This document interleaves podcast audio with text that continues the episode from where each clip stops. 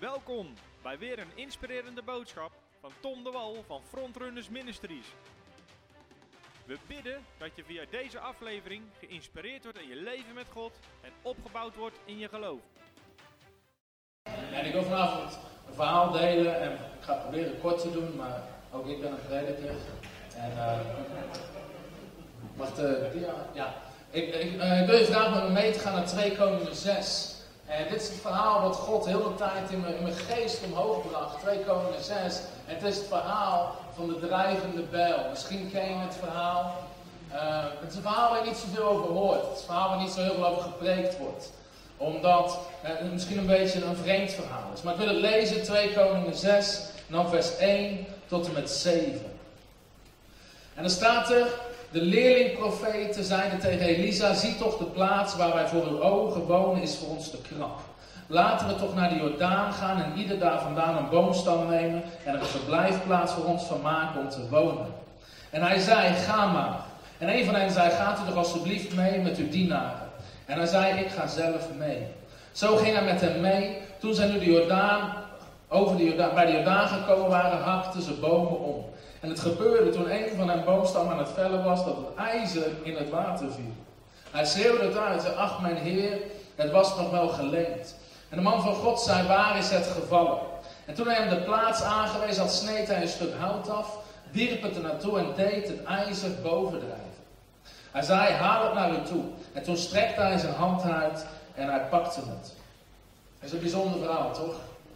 De Bijbel staat vol met bijzondere verhalen. En als we kijken naar de bediening van Elisa, er zijn veel verhalen waar veel over gepreekt wordt. Als je twee koningen leest, in twee koningen 4, staat het verhaal van de weduwe die geen eten meer heeft. En dan zegt de profeet, ga naar de profeet toe, verzamel zoveel mogelijk kruiken, kennen we het verhaal? En dan begint de olie te stromen, net zolang totdat de kruiken op zijn. Laat zien dat God is een God van bovennatuurlijke voorziening. Amen. God, en dat verhaal wordt over gepreekt. En daarna komt het verhaal dat een andere vrouw krijgt haar zoon terug uit de dood. Of nee, is een vrouw, een vrouw die geen kinderen kan krijgen. Dat andere vrouw later. Een vrouw die geen kinderen kan krijgen. En de profeet van God profiteert en ze kan kinderen krijgen. En dan komt het verhaal ook, wat Klaas al aanhaalde, het verhaal van Naaman. Die melaats is, maar hij gaat naar de profeet van God toe. Hij doet wat de profeet van God zegt en hij wordt genezen. Onze God is een God van bovennatuurlijke genezing. Amen. Maar dit verhaal, wat moeten we nou met dit verhaal? Wat laat dit verhaal ons zien? Maar dit verhaal laat ons zien dat God is een God van bovennatuurlijke groei en bovennatuurlijke toename. God is er geïnteresseerd dat jij je leven groter uitbouwt. Dat jij uitbouwt en dat God wonderen doet om dat te realiseren. Dat is wat dit verhaal laat zien. Op het moment dat ze aan het bouwen zijn, gaat het eigenlijk mis. De bijl valt in het water, bijlen drijven niet. Amen. En toch doet God een wonder. We dienen een God die de bijl laat drijven als het nodig is, zodat jij kan groeien en kan uitbreiden in je leven. Amen. We dienen een God die geïnteresseerd is in bovennatuurlijke groei en bovennatuurlijke uitbreiding. En daar wil ik kort over spreken. Bovennatuurlijke groei en bovennatuurlijke uitbreiding. Want veel mensen zien God als een God die noden opvult. We gaan van nood naar nood.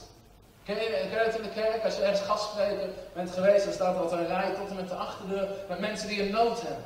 Wil je bidden voor mijn nood? Wil je bidden voor mijn nood?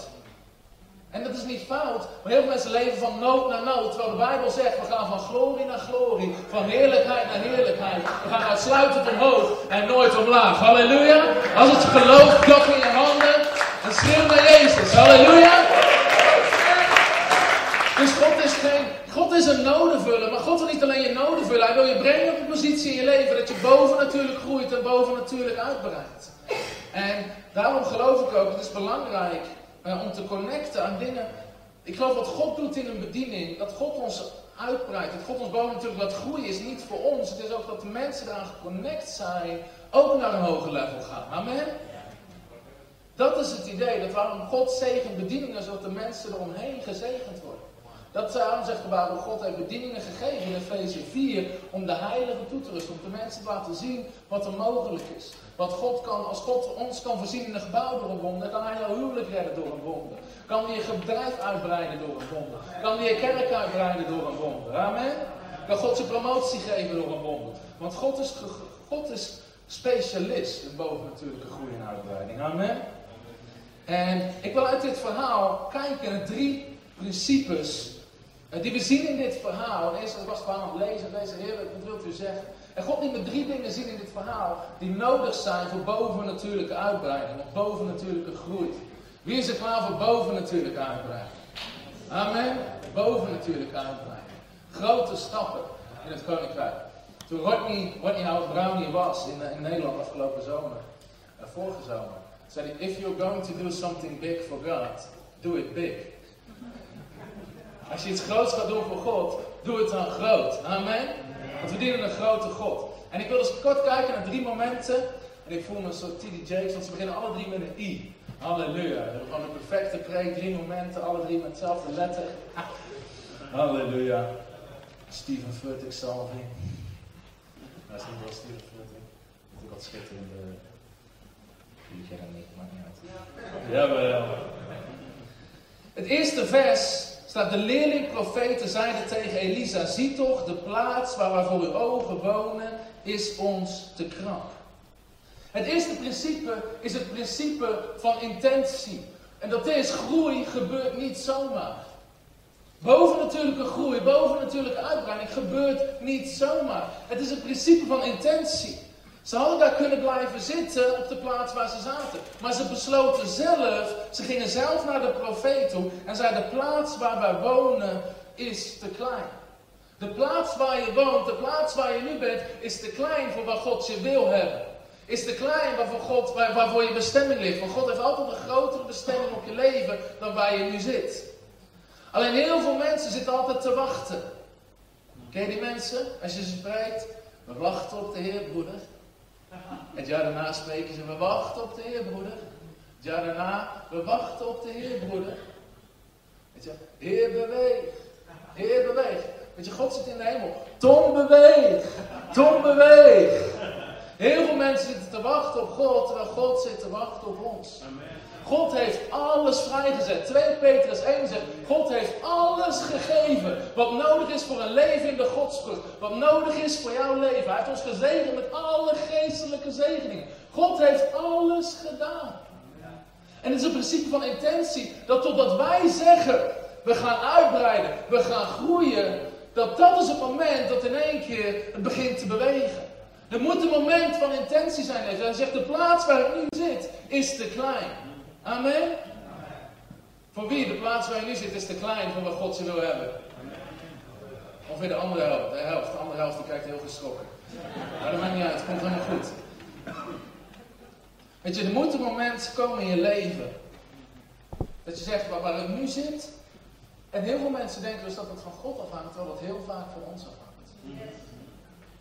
Toen het vorige gebouw, die twee kantoren, toen zagen we dat heel mooi. We hadden hier twee kantoren verderop in de straat. één van onze videostudio, één van onze uh, kantoorruimtes. En toen onze bediening begon, zat ik thuis te werken. En we hebben een appartement. En het appartement zag er elke dag uit als een kantoor. Er kwam Femke thuis en er lagen overal computer, bijbels, aantekeningen. En het zag eruit. En totdat mijn vrouw een keer zei, Tom, je moet een kantoor hebben. Sommige mannen kunnen er makkelijk overheen kijken. Weet zo. Eten, oké, alles aan de kant. Eten. Maar voor een vrouw moet netjes zijn. Halleluja. En totdat ik ook zelf zag, weet je, dit gaat niet meer. Want we kregen flyers binnen, weet je wel. Naast ons bed flyers, onder de kussen flyers, daar folders. Weet je wel. USB-sticks overal. Maar op een gegeven moment, ik zei, heer, dit gaat niet langer zo. Ik heb een kantoor nodig. En, en meteen kreeg ik een visioen, een beeld van het gebouw. En ik herkende het gebouw, want ik reed er altijd langs als ik ging sporten. En ik zocht uit van wie het was. Het was van een man die ik had leren kennen, waar ik docent was op een bijbelschool. Hij was daar student. En het was dus zijn eigendom, ik belde hem op. En boven natuurlijk, twee weken later zaten we erin. Voor een enorm lage prijs. Omdat hij ons wilde zegenen met onze bediening. Als ik niet had gezegd, heer ik heb een kantoor nodig, zat ik nu nog thuis met een boze vrouw. Nee hoor, zegt ze. Maar snap je wat ik bedoel? Er moet een moment zijn dat jij zegt, Heer, dit hebben we nodig. Heer, dit gaan we doen. Want God zit heel vaak te wachten op ons. Is intentie. Groei komt niet zomaar. Je moet je bewust zijn van het plan wat God heeft voor je leven. Iedere keer als God iets wil doen in een generatie, in een volk, in je leven. Het is niet voor niks dat God zegt, zend de verspieders uit. Ga kijken wat het land is. Besef je wat de bestemming is die op jouw leven ligt. Zelfs als ze aan het innemen zijn in Jozua 18, vers 3 en 4, hoef je niet op te zoeken. Maar dan stuurt Jozua uit en hij zegt, breng de erfenis in kaart die God je wil geven. Heb jij je erfenis in kaart gebracht? Aan de hand van de profetie over je leven, de beloftes over je leven, heb je in kaart gebracht wat God wil doen in je leven? Breng het in kaart. Besef wat God wil doen. Want anders zitten we altijd. Uh, hebben jullie ons kantoor gezien? Ja, je kon rond het gebouw. In het kantoor hangt een heel groot visiebord. En ieder jaar besteden we één, twee weken met bidden en vasten voor visie. Want toen ik een bediening ging starten, dan vroeg ik aan mensen, wat doen jullie? Hoe doen jullie het? En heel veel mensen zeiden, wij spreken op zondag. Oké, en verder? Verder? We spreken op zondag. En ik dacht, weet je, voor je het weet zit je in een patroon als bediening aan. Hetzelfde geldt voor je bedrijf. Voor, dat je, je doet gewoon wat je doet. En ik dacht, wacht eens, dat wil ik niet. Dus we zijn een visiebord. Waar zijn we over 1 tot 2 jaar, 2 tot 5 jaar, 10 jaar?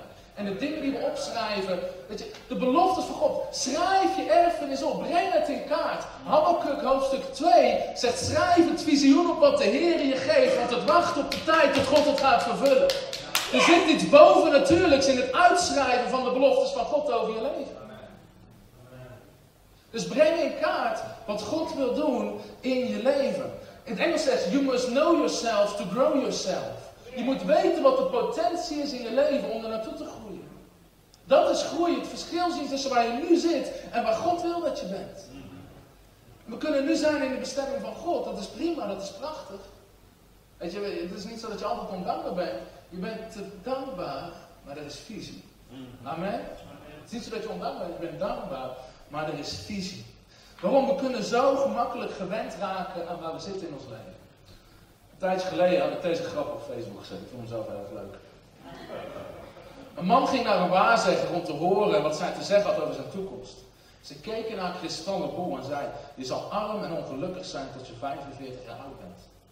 Wat zal er daarna gebeuren? vroeg die man, vol hoop. Daarna raak je naar gewend, zei ze.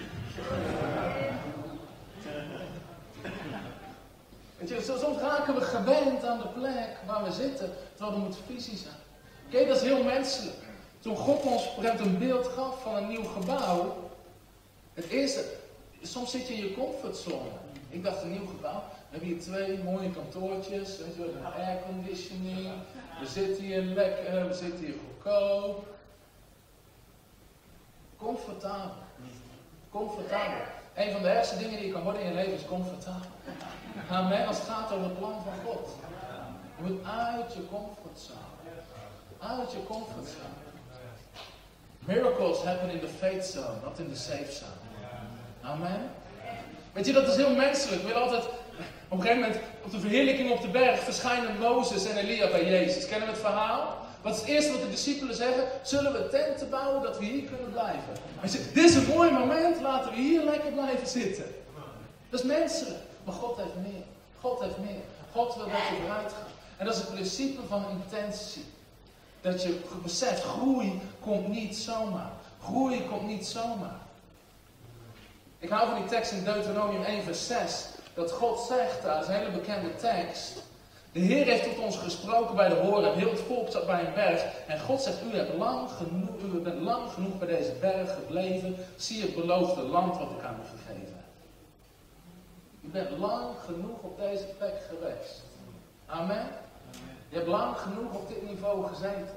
Ze zaten er fijn bij die berg. Maar God zegt, je hebt lang genoeg bij deze berg gezeten. Zie het beloofde land wat ik voor heb. En dat heeft Kan je het beloofde land zien over jouw leven? Heb je die intentie om daar naartoe te groeien?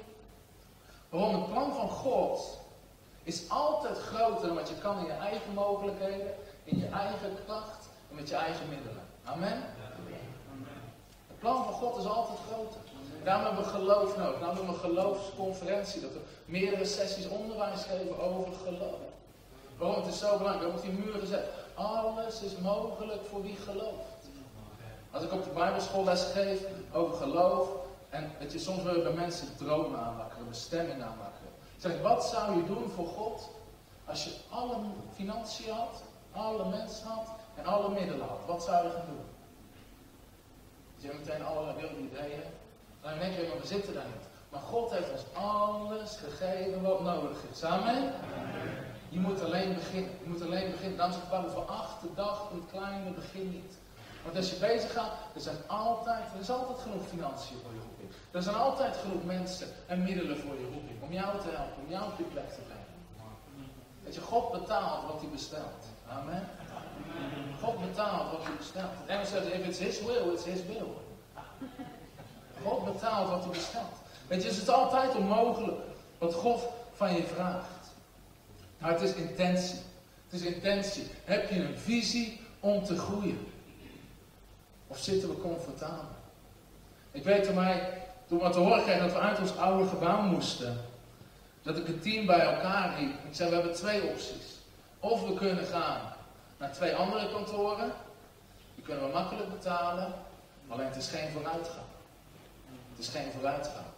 Het is wel comfortabel, het is makkelijk. Je weet dat je het kan betalen, je weet dat het zo rond is. Je kan er overal aankomen. Of we gaan voor een pand met kantoren, opnamestudio's, waar we trainingen kunnen geven. Alleen dat is niet comfortabel. Want dan kunnen we niet. We hebben er natuurlijk geen geld voor. Het is onmogelijk in dit tijdsbestek. Het is niet comfortabel. En heel mijn team zei, we gaan niet comfortabel is. Waarom? Het andere is geen vooruitgang. Het andere is geen groei. En God is een God van bovennatuurlijke groei en bovennatuurlijke vooruitgang. Dat is altijd in het hart van God. Maar het begint met een intentie. Als wij hadden gezegd, oké, we gaan voor twee kantoren. Hadden we daar met twee kantoren gezeten. Hadden we daar een opening gehad, van met 10% in wat hier binnen zat. Dus begint altijd met intentie. Intentie. Nou, ik geloof zo sterk in de stem van God verstaan. Wat God bestelt, betaalt hij. Amen. Ik had ooit een gesprek met een gemeenteleider, want ze waren bezig met een hele begroting. En als, we zoveel procent groeien, komt er zoveel procent meer tiende en zoveel procent meer offers. En dan kunnen we volgend jaar kunnen we dit doen. En een van die oudsten die heel goed was met zei hoe maak jij je begrotingen? En ik dacht, hoe ik mijn begrotingen maak? Ik ga twee weken binnen en vasten in gebed. Ik schrijf op wat God wil dat we gaan doen en dat gaan we doen. Ongeacht, het is helemaal niet relevant hoeveel er vorig jaar is binnengekomen voor wat God dit jaar kan doen. Amen. Dit pand was meer dan 15 keer zo duur als het andere pand wat we hadden. Als ik vastzit in mijn begroting, wacht, misschien kunnen we één avond meer doen dan extra offer. Hadden we nou drie kantoortjes gehad. Het begint met intentie. Dat je luistert naar de stem van God. Waarom? Wat God spreekt. Hij is geen mens dat hij liegen zou. Hij is geen mens dat hij liegen zou. God is geen mens dat hij liegen zou. Hij wankelt nooit. Hij faalt nooit. Hij slaapt nooit. Hij sluimert nooit. God is altijd getrouw. Alle beloftes zijn ja en amen. Amen. Als je het gelooft, geef God een applaus.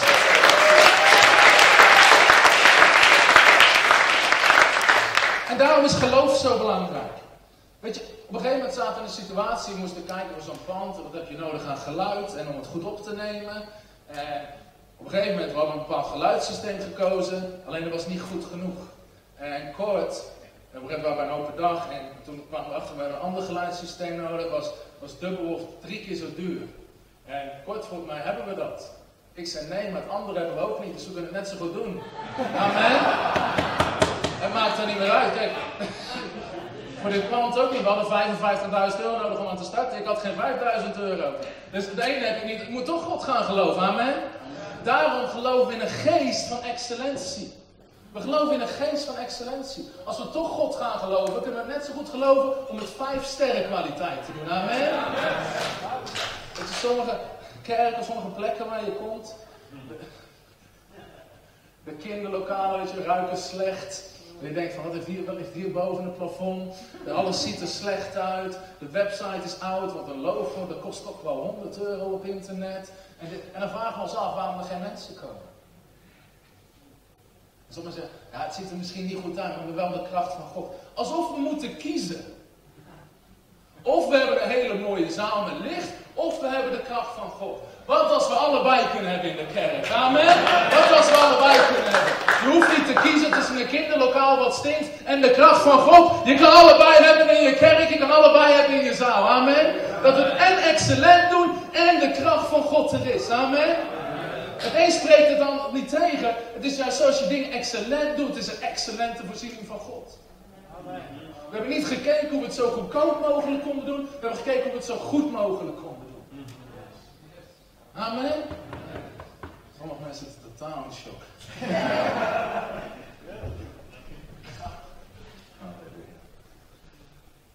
Maar het plan wat God voor je heeft.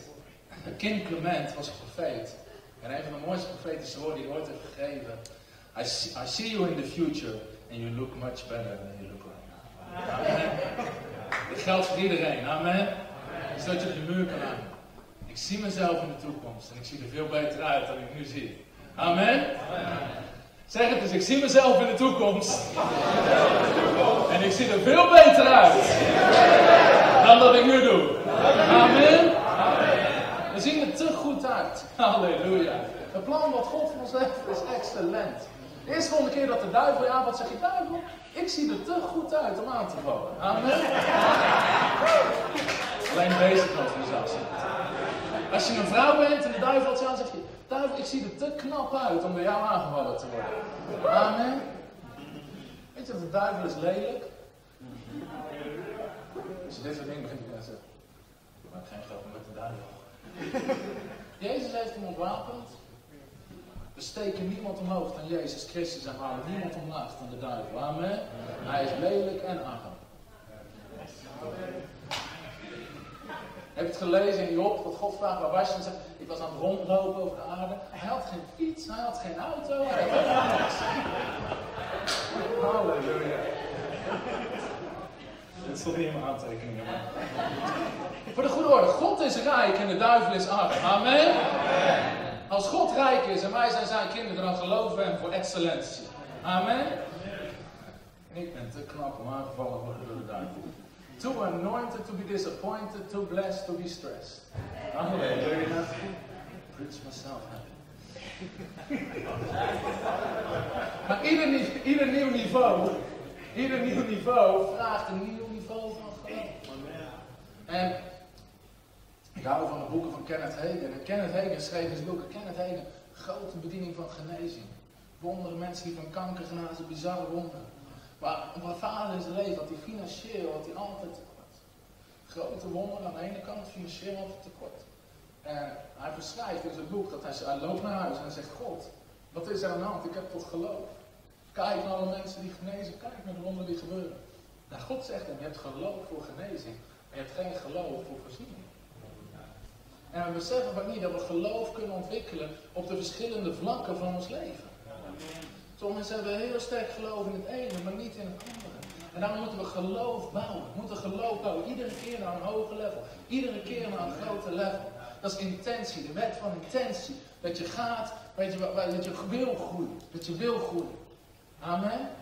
Dus je weet, God heeft me geroepen of om zaken te doen. Ga dan geloof ontwikkelen in dat gebied. Amen.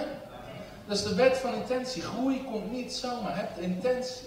Dan zien we het tweede principe. De leerling-profeten zeiden tegen Elisa, zie toch, de plaats waar we voor de ogen wonen is voor ons te krap. Laten we toch naar de Jordaan gaan en ieder daar vandaan een boomstam nemen. En een verblijfplaats voor ons maken om te wonen. Hij zei, ga maar. En een van hen zei, gaat u toch alsjeblieft mee met uw dienaren. En hij zei, ik ga zelf mee. Hier zien we het tweede principe. Dat is het principe van inzet. Groeien, uitbreiden is onze verantwoordelijkheid. Ze zeiden niet van, oh, de plaats waar we wonen is te krap. Dus nu gaan we hier zitten, bidden en wachten totdat God iets gaat doen. Dus die mensen die bidden en wachten, over tien jaar nog te bidden en te wachten. God zegt, ik heb je talenten gegeven. En ik doe business, doe er iets mee, ga er iets mee doen. Groeien, kom erin zet. Ze moesten naar de Jordaan toe, ze moesten boomstammen haken, ze moesten gaan uitbreiden, ze moesten gaan groeien. Dus wij moeten iets doen om te groeien. Wij moeten iets doen om te groeien. In de roeping die God geeft, ga geloof bouwen. Dat je, doe dat bewust. Ga preken Ga het woord. Breng pijn door in gebed. Heer, wat wilt u? Dat je daarvoor gaat bidden. Dat je dat ding door gaat bidden. Dat je gaat groeien in je karakter. Dat je ieder, elke keer als je naar een hoger niveau gaat, komt er meer tegenstand. Grotere uitdaging. Het Engels zegt een nieuw level, nieuw devil. Dus daar moeten we voor groeien om dat aan te kunnen. En dat is dus ons werk, onze verantwoordelijkheid. Weet je, als jij doet wat jij kan, doet God wat jij niet kan. Als jij doet wat jij kan, dan komt uiteindelijk God en die doet wat jij niet kan.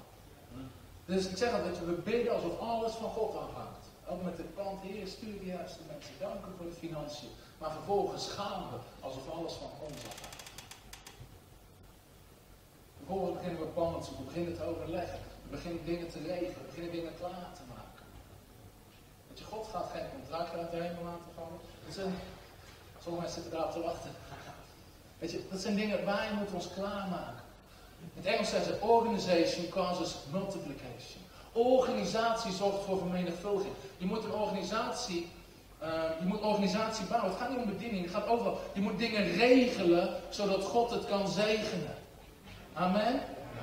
Is er opgebouwd toen Jezus het voedsel ging vermenigvuldigen, dat hij zegt, zet ze neer in groepen van 50? Jezus begon dingen te regelen, zodat vervolgens de zegen van God en het onmogelijke kon komen. Organization causes multiplication. Als je wil dat God je zegent, zal je organisatie moeten bouwen. Het gaat om je huwelijk, om je werk, om je bedrijf. Dat je dingen regelt. Amen. En dat is onze verantwoordelijkheid. Je, ik, ik hou het. We dienen een God van actie. Amen. Ik hoorde ooit iemand zeggen, ik weet dat het geen goede theologie is, dat weet ik. Maar ik ben blij dat Willem niet op de opening is gekomen. Maar als je God in Engels, als je God schrijft, de eerste twee letters voorwaarts zijn go, de eerste twee letters achterwaarts zijn do. Halleluja. God is een God van actie. Amen. Wij moeten gaan. Wij moeten doen. Het laatste wat Jezus zei, hij zei, ik ben met je. Ga. Ga in heel de wereld. God is met je. Weet je, de hand van God is op je. Je hoeft het niet. Soms als je ergens gaat spreken als gastspreker, gaan ze bidden. Heer, ik bid dat u gezalfd. Ik was al gezalfd, toen God me riep. Amen. Als ik gezalfd moet op het moment, dan zijn we te laat. Amen. Amen. Sommigen zijn al weggekruipt, dus stoel misschien. Je hebt jaren gesprek, maar je bent gezalfd voor wat God je voor geroepen heeft. Amen. Dus ga er iets mee doen. Ga er iets mee doen. Waarom? Het is, en dat vind ik zo mooi in dit verhaal. Op een gegeven moment, de profeet zegt niet, oh ik ga even bidden, of dit in het hart van God. Hij zegt nee, ga. Ga. Het zit altijd in het hart van God om uit te breiden, om te groeien, om te vermenigvuldigen. Daar hoeven we niet voor te bidden. Deze tekst in Deuteronomium 1 vers 11, als het gaat om teksten, sommige teksten van mind-blowing. Er staat dat de Heer je duizendmaal zal laten toenemen. Duizendmaal. Wie is er klaar voor duizendmaal? May, de Engelse taal zegt, may the Lord increase you a thousand times more. Duizend keer waar je nu zit. Duizend keer waar je nu zit. Amen. Misschien ben je een huisgroep gestart met vijf mensen, dat het er vijfduizend mogen worden. Als God je helemaal zegt, kan nog steeds in je huis.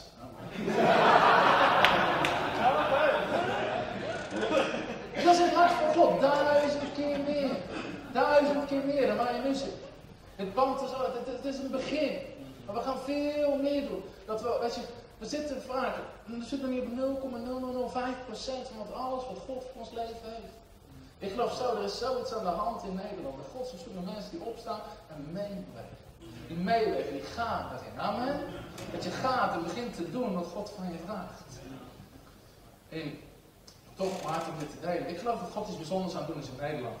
Toen ik aan het bidden was van Heer, wat moeten we doen met een pand? Sprak God tot me, Jeremia 32. En ik ging Jeremia 32 lezen. Het is het verhaal waar Jeremia de akker moet kopen. En dan zegt Jeremia, laten het even opzoeken, Jeremia 32. Dus quote een fout, dan zeggen mensen daar uit fout de Bijbel voor. Dus dat gaan, we, dat niet krijgen. Jeremia 32. Ik geloof dat dit een profetisch woord is voor Nederland. Kan dat er tussendoor vandaag? Ja. Jeremia 32. Maar dat is een verhaal waar Jeremia zit in gevangenschap. En dan zegt God dat hij een akker moet gaan kopen. En Jeremia zegt, heer laat er iemand naar mij toe komen. En dan komt iemand naartoe, naar hem toe. En die helpt hem om die akker te kopen. En dan vers 18, uiteindelijk koopt hij hem.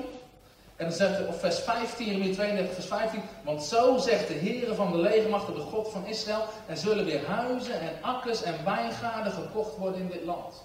En toen wij aan het bidden waren voor ons gebouw, zei God, zo zegt de Heer van Israël, er zullen weer gebouwen voor het koninkrijk van God beschikbaar worden in Nederland. Amen.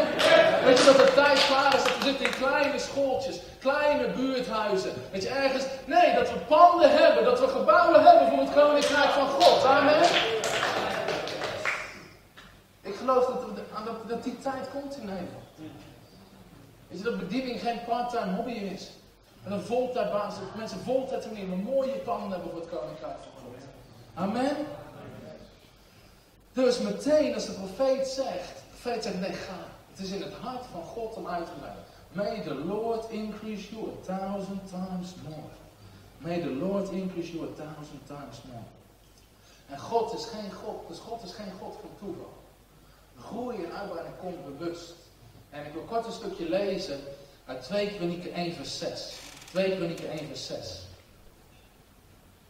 Waarom? Omdat, heeft hier vroeger op zondagschool gezeten? Of catechisatie? Ik ook. En heel vaak werd er verteld over het verhaal van Salomo. En dat Salomo, de Heer, verschijnt s'nachts in een droom aan Salomo. En dan zegt God, vraag wat ik je geven zal. Wat zegt Salomo? Oké, één iemand heeft op zondagschool gezeten. Of zo. Wat vraagt Salomo? Wijsheid. De onderwijs altijd als God aan je verschijnt in een droom. Mag je niet vragen om geld, Tom. Moet je vragen om wijsheid. En dat is mooi, het is een mooi principe. Alleen het leek alsof het toeval was. Dat God uit het niks op een nacht bij Salomo verschijnt. Maar God is geen God van toeval.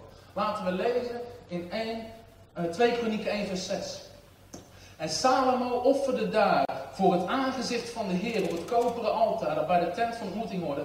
Duizend offers bracht hij daar. Iedereen zegt duizend offers. Let op, vers 7. En die nacht verscheen God aan Salomo en vroeg, vraag wat ik je maar geven zal. Het was geen toeval dat God die nacht verscheen aan Salomo. Salomo had inzet, het principe van inzet. Hij gaf duizend offers aan God. En die nacht verscheen God. Het was geen toeval. Die nacht. Hij offerde aan God. Hij gaf zo'n groot offer aan God. Dat God niet langer om hem heen kon. Maar aan hem verscheen in een droom. En vroeg vraag wat ik je maar geven zou. God zag dat Salomo God compleet vertrouwde met zijn vermogen. En dan zegt God, nu vertrouw ik jou met mijn vermogen. Want hij vroeg niet om geld, hij vroeg om wijsheid. En God zegt niet alleen wijsheid zal ik je geven. Ik zal je de rijkste man ter wereld was in het hart van God, niet in het hart van Salomo. Maar het was geen toeval. Soms denken we te veel dat God een God van toeval is. De een wel, de ander niet. Waarom verscheen God aan Cornelius? Handelingen 10. De eerste waarbij het evangelie werd gepredikt bij de heiden. De Bijbel zegt, Cornelius was een man en hij gaf gaven aan het volk en zijn gebeden stegen op tot God. Cornelius was een man die constant aan het geven was, die constant aan het bidden was. En toen God een heiden moest kiezen om mee te beginnen om gered te worden door Jezus Christus, koos die Cornelius. God is geen God van toeval. God kijkt naar je inzet. God kijkt naar je doen Of je klaar bent voor bovennatuurlijke groei. Amen. Dus God is geen God van toeval. En ook wij, weet je, we moeten heel vaak uitbreken waar we nu in zitten. Ik weet dat ik in de auto zat, we hadden meer nodig in onze bediening. En ik zei, Heer, we moeten financieel naar een hoger niveau. En God zei, is goed. Bel die op, zegt dat je zijn project afbetaalt. Bel die op, zegt dat je betaalt. En God begon allemaal dingen in mijn hart. En ik zei, nee, nee, ik bedoel, wij, wij hebben iets nodig. Maar God denkt anders. God zegt, bel die op, zegt dat je betaalt. Bel die Als wij naar een financieel niveau, zullen we God ook meer moeten vertrouwen dan we nu al in onze handen hebben. Amen. Dat is zo ontzettend belangrijk. Dus ook in je leven. Eigenlijk heb ik twee principes gedeeld. Het principe van intentie moet willen groeien. Dan moet je inzet. Wat ik mooi vind, handelingen 2. Wie kent handelingen 2? Uitstutting van de Heilige Geest. Bernard Adelman. De geest van God wordt uitgestort. En dan zijn de mensen stellen twee vragen in handelingen 2. De eerste vraag is, wat is dit? Dan begint Petrus uit te leggen. En daarna, wat moeten we doen? Ken je het? Wat moeten we doen om gered te worden? Dus de geest van God begint te bewegen. En twee vragen die zichzelf stellen. Wat is dit? En wat moeten we doen? Als de geest van God iets begint te sturen in je leven. Als de geest van God begint op te ruimen. Moet je jezelf twee vragen stellen. Nummer één, wat is dit? Maar nummer twee, wat moeten we ermee doen? Je moet iets gaan inzetten waar God mee aan de gang kan gaan. Amen? Dat is het principe van inzet. En nu het laatste principe. Iedereen klaar voor het laatste principe? Zeg het, ik ben er klaar voor. Zo ging hij met hem mee, vers 4. Toen ze nu bij de Jordaan gekomen waren, hakten ze bomen om. En het gebeurde toen een van hen de boomstam aan het vellen was, dat ijzer in het water viel. Hij schreeuwde uit, ach mijn heer, het was nog wel geleend. En de man van God zei, waar is het gevallen? En toen hij bij de plaats aangewezen had, sneed hij een stuk hout af, wierp het er naartoe en deed het ijzer bovendrijven. Hij zei, haal het naar u toe. En toen strekte hij zijn hand uit en hij pakte het. Het derde principe is het principe van ingrijpen. Ingrijpen. Als wij doen wat wij kunnen, dan begint God te doen wat wij niet kunnen. Als wij doen wat wij moeten doen, dan grijpt God in één keer in om te zorgen dat je boven natuurlijk groeit. In dit verhaal, je zou kunnen zeggen, wat ze waren toch bezig om het huis van God uit te bouwen, ze waren goed bezig en toch dreigt het helemaal mis te gaan. Weet je, altijd als je naar een nieuw niveau gaat, dreigt het mis te gaan. Waarom? Je zit op een niveau wat je niet gewend bent. Er komt meer tegenstand, grotere uitdaging. Maar dan is daar de hand van God die de bijl weer laat drijven. Amen. We dienen een God die de kop van de bijl laat drijven. Als jij bezig bent met groei en uitbreiding en het lijkt mis te gaan, dan dienen we een God die de kop van de bijl weer naar boven haalt, zodat je verder kan groeien. Zodat je verder kan uitbreiden. Er is boven natuurlijke kracht om te groeien en om uit te breiden. Dat is het principe van interventie. Als wij of, of ingrijpen. Als wij, als wij doen wat wij kunnen, doet God wat wij niet kunnen. Als wij doen wat wij kunnen, doet God wat wij niet kunnen. Weet je, als alles misgaat, is het niet de tijd om je geloof te betwijfelen, maar om geloof te hebben. Amen. Sommige mensen geloven in genezing tot ze ziek worden. Ze geloven in voorziening totdat het tekort lijkt te zijn. Ze geloven in dat God huwelijk heeft totdat ze ruzie hebben. Het is juist het moment om te geloven en niet om te twijfelen. Als alles mis lijkt te gaan, is het tijd om geloof te hebben en niet om je geloof te betwijfelen. Amen. Want God is altijd op zoek naar geloof. God koppelt altijd zijn kracht en zijn wonder aan geloof. God is op zoek naar geloof. Zonder geloof is het onmogelijk om God te behandelen. Maar als er geloof is, geef je ruimte aan God om te werken. Je geeft ruimte aan God om te werken. Daarom is geloof zo belangrijk. Hebreeën 4 zegt, zo zien we dat het volk van Israël niet kon ingaan vanwege ongeloof. Betekent als wij niet groeien in geloof, als wij ongeloof hebben wat God wil doen, kunnen we nooit van geloof iemand in Smith Wigglesworth, groot man van geloof. Ken je Smith Wigglesworth? Smith Wigglesworth, hij wekte mensen op uit de dood. Rauw geloof. Hij zei, God zal 1 miljoen mensen overslaan om bij één iemand met geloof te komen. En dan zei ja, maar dat is wel heel radicaal. Hoeveel Israëlieten waren er in de woestijn? Theologen denken ongeveer 2 miljoen. Hoeveel kwamen er in het beloofde land?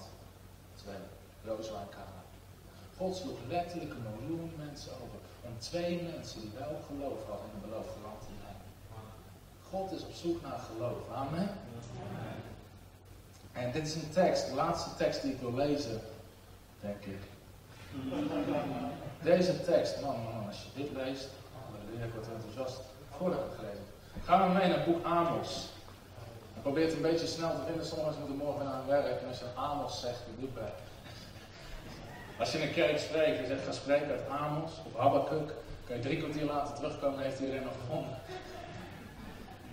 Amos. Amos hoofdstuk 9. Deze tekst van de laatste keer komt hij iedere keer naar me toe. Amos hoofdstuk 9, vanaf vers 13. Als je begonnen hebt, zeg je prijs de Heer. Amos 9, vers 13. Zie, er komen dagen, spreekt de Heer, dat de ploeger de maaier zal ontmoeten en de druiventreder de zaaier. En dat de bergen zullen druipen van jonge wijn en alle heuvels doordrenkt zullen worden. Dus je wat is dit voor tekst? Maar de Bijbel zegt, zie, de komende dagen, zegt God, dat de ploeger de maaier zal ontmoeten en de druiventreder de zaaier. De New Living Translation zegt het zo. De tijd komt dat de vruchten sneller zullen groeien dan dat je kan oogsten. Een andere vertaling zegt de tijd komt dat de maaier de zaaier in zal halen. De tijd komt in leven dat de maaier de zaaier in zal halen. Dan ben je aan het zaaien geweest in leven, aan het zaaien, het inzet gehad, een inzet gehad en er lijkt niks te gebeuren. Maar dan komt de tijd dat de maaier de zaaier inhaalt. Dat daar in één keer een interventie is van God. Dat daar in één keer een doorbraak is van God. En dat alles wat je gezaaid hebt, honderdvoudig oogst. Amen? Er komt een tijd in leven. Wie heeft gezaaid in dingen? Wie heeft erin geloofd voor dingen? Wie heeft erin gebeden voor dingen? De tijd komt dat de maaier de zaaier in zal halen. Dat terwijl je nog aan het zaaien bent, in één keer de maaier het inhaalt. Ook financieel, dat dingen zo hard gaan. Weet je, ik geloof heilig in principe van tiende, offers en geven. Mensen die ons kennen, onze bediening, we staan ervoor, we schamen ons er niet voor. Weet je, ook als bediening. Weet je, elke maandag, Niels doet onze kantoor administratie, het eerste dat we begeven tiende van wat binnen is gekomen. Begeven offers van wat binnen is gekomen. En soms als je gaat rekenen, als je gaat kijken hoeveel je weggeeft, je, als, je niet, als we dat geld dan ook kunnen gebruiken. Maar alles wat we in de hand van God leggen, wordt vermenigvuldigd. Alles wat je in de hand, net zoals het jongetje met zijn vijf broden en twee vissen, was nooit genoeg om de menigte te voeden. Maar hij legde het in de handen van Jezus. En het werd vermenigvuldigd. Dus zijn constant aan het offeren, constant aan het zaaien. En dan lijkt het soms dat er niet zoveel terugkomt als je zaait. Totdat we dit gebouw nodig hadden. En we gingen in één week, kwam er meer binnen dan het hele jaar daarvoor. Want er is een tijd dat de maaier de zaaier inhaalt. Halleluja, kom op. Als je nodig hebt in je leven, geef God een applaus. En verklaar over je leven dat het een tijd is waarin de maaier de zaaier inhaalt. Wat je ook gezaaid hebt in je leven, waar je voor hebt gebeden. De maaier zal de zaaier inhalen. Weet je, het is onmogelijk om Jezus op de eerste plaats te zetten en op de laatste plaats te eindigen. Halleluja. Ik lig vannacht nog zo in bed. Halleluja. Halleluja. Halleluja. Het is onmogelijk om Jezus op de eerste plaats te zetten en als laatste te eindigen. De Bijbel zegt, je zal de kop zijn en niet de staart. Uitsluitend omhoog en nooit naar beneden. Want er is een moment dat in één keer, dat in één keer de geest van God komt. Ik heb al een paar keer verteld, ik vind het zo'n krachtig verhaal. Het verhaal van pastor David Oyedepo. Kennen jullie hem? Pastor David Oyedepo, als het verhaal vertel misschien wel, was een jonge man in Afrika. Tot zijn achttiende levensjaar was hij zo arm dat hij geen schoenen aan zijn voeten kon betalen. Zo arm was hij. In Afrika. Op een gegeven moment kreeg hij een baan, hij trouwde, hij verdiende weinig geld en hij zat in het oudste team van de kerk. En die voorganger van die kerk was een profeet. En die riep al zijn leiders bij elkaar, 120 leiders. En die voorganger zei, we hebben een financiële nood in onze kerk. We willen vragen aan alle leiders om je hele bankrekening leeg te maken en te geven aan de kerk. En David Oyedepo, die nooit geen cent had gehad tot zijn achter, ging naar huis samen met zijn vrouw. Ze pakten al het geld wat ze hadden. En de volgende dag kwamen ze terug en ze legden het op het altaar. En al die leiders waren daar. En die voorganger vroeg, wie heeft er gisteren gedaan wat ik vroeg? En hij verwacht dat iedereen in die kerk zijn hand opsteekt. Maar tot zijn grote verbazing, alleen hij en zijn vrouw steken hand. Ze waren de enige die alles had gegeven. En die voorganger die profeet was, zegt het is niet waar, we hebben geen nood als kerk. Maar het was een test. En zo spreekt de Heer. Omdat je dit gedaan hebt, ga ik je brengen op een plek waar geen mens je kan brengen. Nu, David Oyedepo heeft de grootste kerk op heel de wereld. 18 miljoen mensen over heel de wereld zitten in zijn kerk. Hij heeft een gebouw waar meer dan 100.000 mensen in kunnen. Hij is gebracht op een plek waar geen mens hem kan brengen. Maar in één keer was daar een moment. Hij gaf alles. Net zoals een Salomo. Duizend brandoffers. Je denkt misschien, hoe kan God dit ooit vergoeden? Maar er is een moment dat de maaier de zaaier inhaalt. En God bracht hem in één moment. Vanaf dat moment zegen op zegen op zegen. Hij is een van de rijkste mannen van Afrika. Hij heeft een kerk met 18 miljoen mensen. Overal bereikt hij mensen voor Jezus. En hij is op een plek gekomen waar geen mens hem kan brengen. Hij is op een plek gekomen waar geen mens hem kan brengen. Ik geloof daar heilig in. Daarom vragen we niemand persoonlijk om giften. Er kan niemand zeggen dat dit naar hem toe brengt komen. Wil je alsjeblieft, dat je weet dat je geld wil geven. Nee, ik doe een algemene oproep eruit. En God spreekt op mensen om te geven. Want als God me er niet kan brengen, wil ik er niet eens zijn. Amen? Als God je er niet kan brengen, hoef je er niet te zijn. Maar als God je er wil hebben, zal hij alles doen om je er te krijgen. Halleluja. Want er is een moment dat in één keer de maaier de zaaier inhoudt. En ik geloof dat dat voor veel mensen geldt in deze zaal. Dat er seizoen komt dat de maaier de zaaier inhoudt. Mensen met een bedrijf die misschien alles kwijt zijn, gaan nog leven zaaien, leven gewoon. En in één keer gewoon God je brengen, waar geen mens je brengen kan. Amen. God is een God van wonderen. Halleluja, I preach myself happy. Waarom dit verhaal? Om te laten zien, God is een God van boven natuurlijk. Amen. God is een God, dat groei is altijd in zijn hart, aanbrenging is altijd in zijn hart. En als wij ons inzetten, derde principe, en wij doen wat wij kunnen, is daar in één keer de hand van God die doet wat wij niet kunnen. Die doet wat wij niet kunnen. We vragen de pianist naar voren kan komen. Hallo, Tom de Wol hier en bedankt dat je weer geluisterd hebt naar onze podcast. Ik bid dat het je geloof gebouwd heeft en je bemoedigd bent. Als je niet alleen een luisteraar van onze boodschap wil zijn, maar ook een verspreider daarvan, wil ik je uitnodigen om partner te worden van Frontrunners. Door jouw maandelijkse donatie help je ons om dit evangelie van Jezus Christus en het woord van God over heel de aarde te brengen. Om partner te worden, ga naar www.frontrunnersministries.nl slash partners en word partner. Hartelijk bedankt en tot snel. Heb je ook zo genoten van deze inspirerende boodschap van Tom de Wal? Abonneer je dan op deze podcast. Volg ons op Facebook en op Instagram en kijk op onze website frontrunnersministries.nl.